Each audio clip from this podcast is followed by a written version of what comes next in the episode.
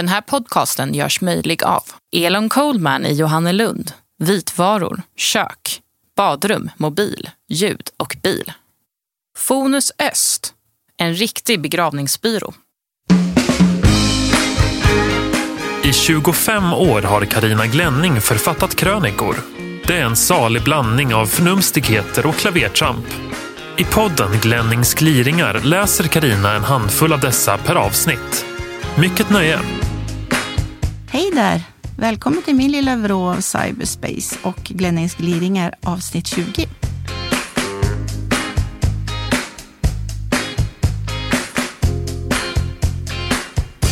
Åh, vad jag är trött på det testosteronstinna motsatta könet.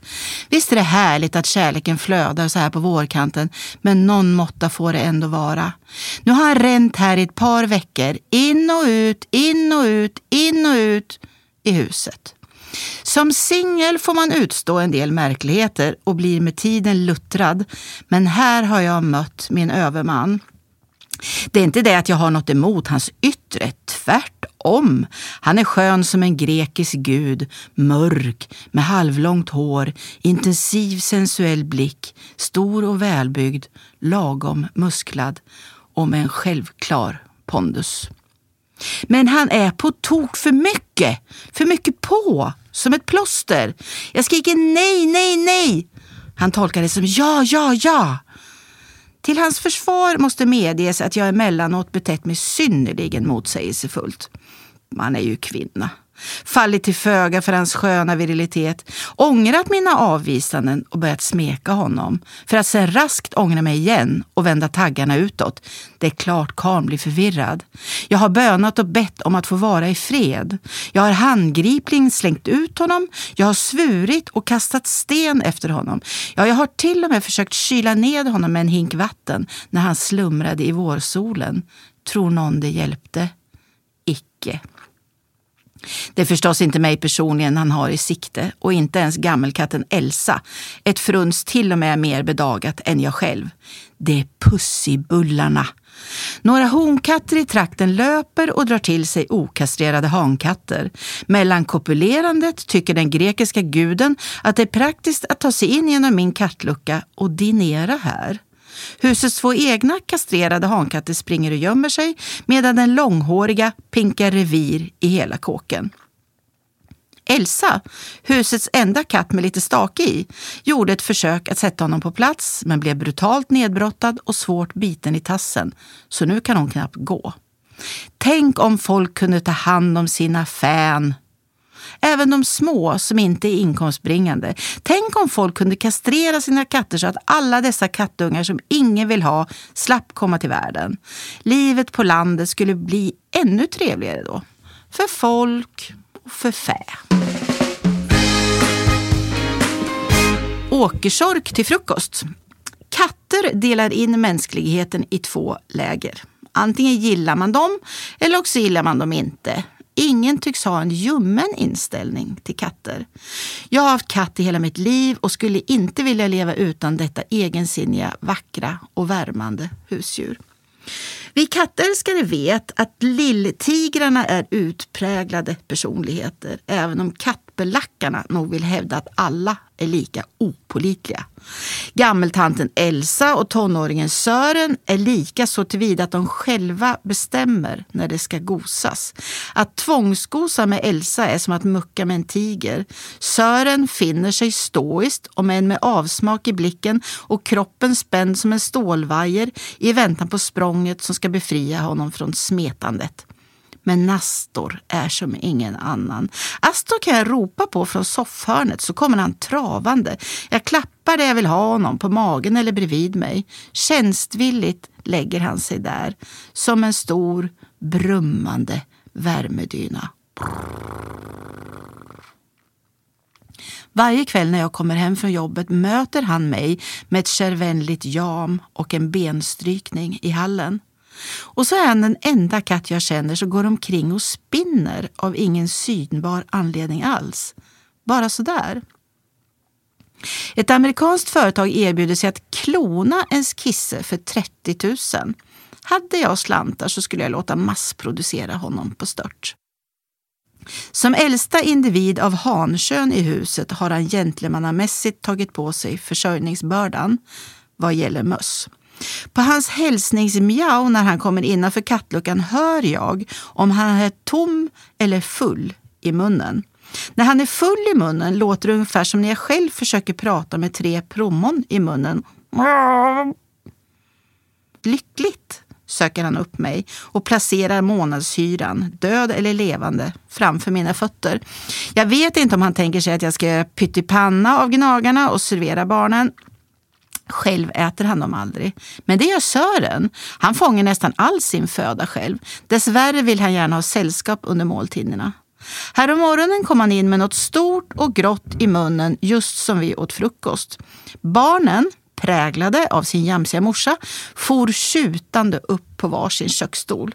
Men stressade vardagsmånar har inte tid för pjosk. Så jag sa, han äter kött och vi äter kött, på vår skinkmacka alltså. Ät på, vi låtsas som ingenting manade jag på Glina. Så där stod vi på varsin stol och åt, pratade och sjöng högljutt för att slippa höra krasandet och smaskandet från den sorkmåltid som i samma stund intogs under bordet. I en enda stor och fin lekamlig gemenskap. Jag sparar i alla fall lite pengar. Vem behöver köpa fejkade äckelpryttlar till halloween? Inte jag. Pajer och praktarslen. Jag skulle behöva lite mer ordning och reda i mitt liv. Min hjärna är möjligen bra på vissa saker, men dit hör inte struktur och planering. Fast jag ville bara ha struktur på de tråkiga praktiska sakerna i tillvaron som räkningar, städning, underhållsplan för kåken, recept. Denna insikt slog mig häromdagen när jag for runt som en skollad råtta och letade efter just det receptet. När det gäller kombinationen matlagning och datorer är jag en sann bakåtsträvare. Jag vill inte ha mina recept katalogiserade i en praktisk fil i hemdatorn. För det första måste man ändå köra ut dem på papper när man väl ska använda dem, såvida man inte har en dator istället för fläkt ovanför spisen. För det andra är det ocharmigt att inte ha såsspill och allehanda otydbara handstilar ditkletade på recepten. Förmodligen skulle man inte heller behålla alla knäppa namn på rätterna om de var praktiskt katalogiserade i cybersapes. Som knäppa namn som Helenas systers svärmors paj eller Hotta julköttbullar alla Karina eller Kajsas före detta knäppa killes goda köttgryta. På det senare receptet har någon med en annan penna och handstil skrivit Knäpp, han var ju ett praktarsel. Håll med om att sådana små detaljer från det förgångna förhöjer sessionerna vid spisen. Men ändå, något slags ordning borde jag kunna få till. Ni ska veta att jag har försökt, men jag har liksom aldrig fullföljt dem och nu är det ett elände att hitta allting. Få se nu. Sparade jag det där pajreceptet när jag arkiverade allt i bokstavsordning eller efter råvaror eller när jag hade lådor med etiketter smalmat kontra fetmat eller var det under min plastmappsperiod?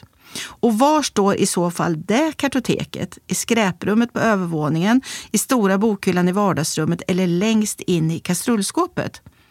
Det påminner oroväckande mycket om alla mina påbörjade och halvfärdiga handarbetsprojekt som drogs igång innan två barn såg till att det aldrig blev tid eller ork över för några korsstygnsexcesser. En och en halv Lovikka-vante, ett plötsligt infall att göra en sån där gammeldags fin köksbonad, raggsocka som slutar vid hälen för där trasslade strumpstickorna ihop sig, en halv rosa babykofta i storlek 50, Nåväl, nu har jag tagit mig i förklädeskragen för 51 gången och bestämt mig för att inte bringa ordning bland recepten. Det får ta sin tid att leta. Jag tror det är någons, någons mening att jag ska leva så. Idag omger vi oss ju dessutom med så oerhört många tidssparande tekniska manicker. Och något ska all den insparade tiden ju användas till.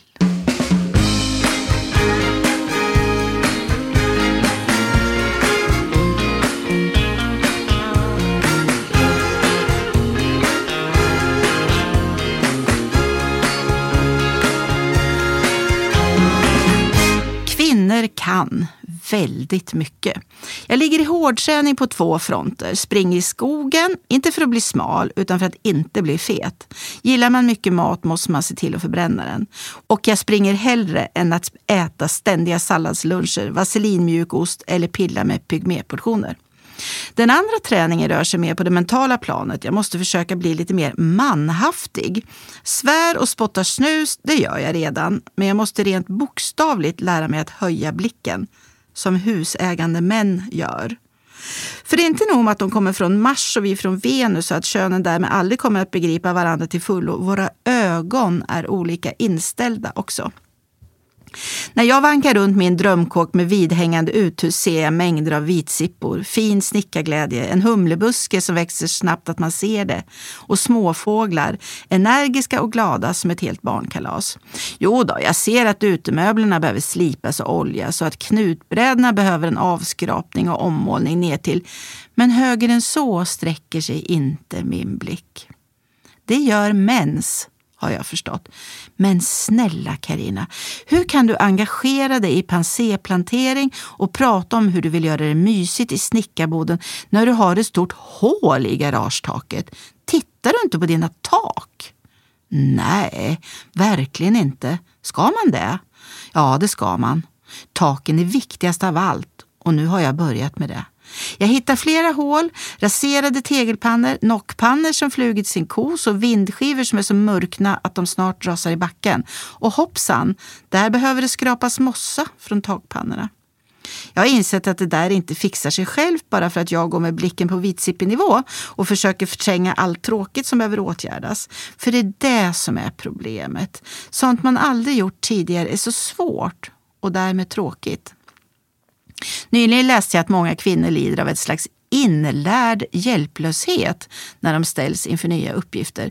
Grundinställningen ska vara citat, “Hjälp, det här klarar, orkar jag aldrig”. Slutcitat. En sån våp-attityd är inte min kåk bekänt av och därför ska här tränas stenhårt i genren yttre husomhändertagande på hög höjd.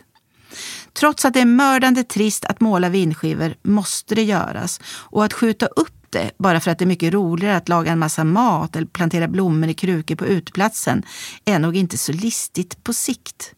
Därför var det uppbyggligt att besöka och göra ett reportage om Maria Lindgren som jag gjorde nyligen. Hon har byggt sig ett ler och halmhus. Hon kaklar och lägger klinker med samma självklarhet som hon planterar om krukväxterna. Kvinnor kan. Förstås. Kom med i FFAAMM. Ja, alltså Föreningen för avskaffandet av månaden maj. Har inte sköna maj gjort sitt nu, så säg. Åtminstone har hon mycket på sitt samvete. Jag undrar just hur många som gått in i väggen just den här tiden. Som skrikit stopp, jag orkar inte längre. Just när naturen slagit ut i blom och livet egentligen är som vackrast. För det är ju ingen hejd på allt som ska hända under just denna månad. Det är fotbollsupptakter, ridskoleavslutningar, trädgårdsdagar på skolan, invigning med tårtbakning av nya skolhuset, skolresor, organiserade kamratliga jobbträffar, barnomsorgsavslutning i bygden, cykelturer och matflyktsutflykter till höger och vänster. Detta samtidigt som det ska plantpysslas i trädgården och gräset växer som om det har fått anabola steroider. Vi är liksom helt försommarförryckta. Det ska grillas och spelas brännboll och has gemensamma picknickar och ordnas dikesrensning med vägföreningen. Vi har kokongat i våra bon under så många månader. Nu ska det exploderas i socialt samkväm. Oh. Lägg till allt detta det faktum att man plötsligt ska klä av sig. Här har gosiga valkar fått vältra sig under stickade tröjor i flera månader. Nu ska all denna blekblåa och fnasiga hud fram i ljuset. Och pengarna, ja de är visst aldrig så mycket slut som i månaden maj. Vad tror ni om att flytta alla aktiviteter till november? Det är då den grå vardagen verkligen behöver lyftas upp. Det skulle åtminstone betyda väldigt mycket för vårt humör i den där deprimerande, meningslösa månaden det är jag övertygad om. Nej, det är klart att vi inte ska avskaffa maj. Det är bara så synd att den inte kan få vara lite mer i fred. Lite mindre inbokad så att man verkligen hann njuta av årets bästa månad. Eller har du drabbats av semesterångest? Vad ska vi hitta på den här gången? Går det inte att synkronisera drömmarna med ekonomin? I år heller. Jag gjorde en snabbpejling med mina ungar om vilka sommarminnen som etsat sig fast och blev lycklig över svaren. För det var inte långresorna, Kolmården, Astrid Lindgrens värld, High Chaparral, Skara Sommarland, Cosmonova eller ens Liseberg. Det var kanotturen med övernattning i vildskogen och den märkliga kolamannen som alltid har kastat ut godis just där vi bestämmer oss för att sätta upp tältet. Och simturen bland näckrosorna. Det var natten då vi ställde klockorna för att gå upp i mörkret och vandra omkring med facklor. Det var kvällen när vi sent, sent sprang nakna i trädgården och hade vattenpistolkrig. Och det var när vi fick för oss att sova utomhus allihopa. Tätt, tätt i sovsäckar och på luftmadrasser under bar himmel med en eld sprakande i grillen. Omgivna av nyfikna sniffande ljud.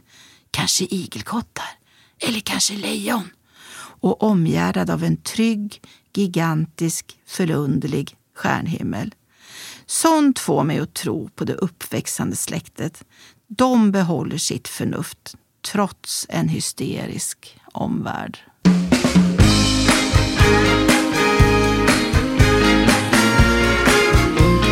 Du har lyssnat på Glennings gliringar. Ansvarig utgivare, Christer Kustvik.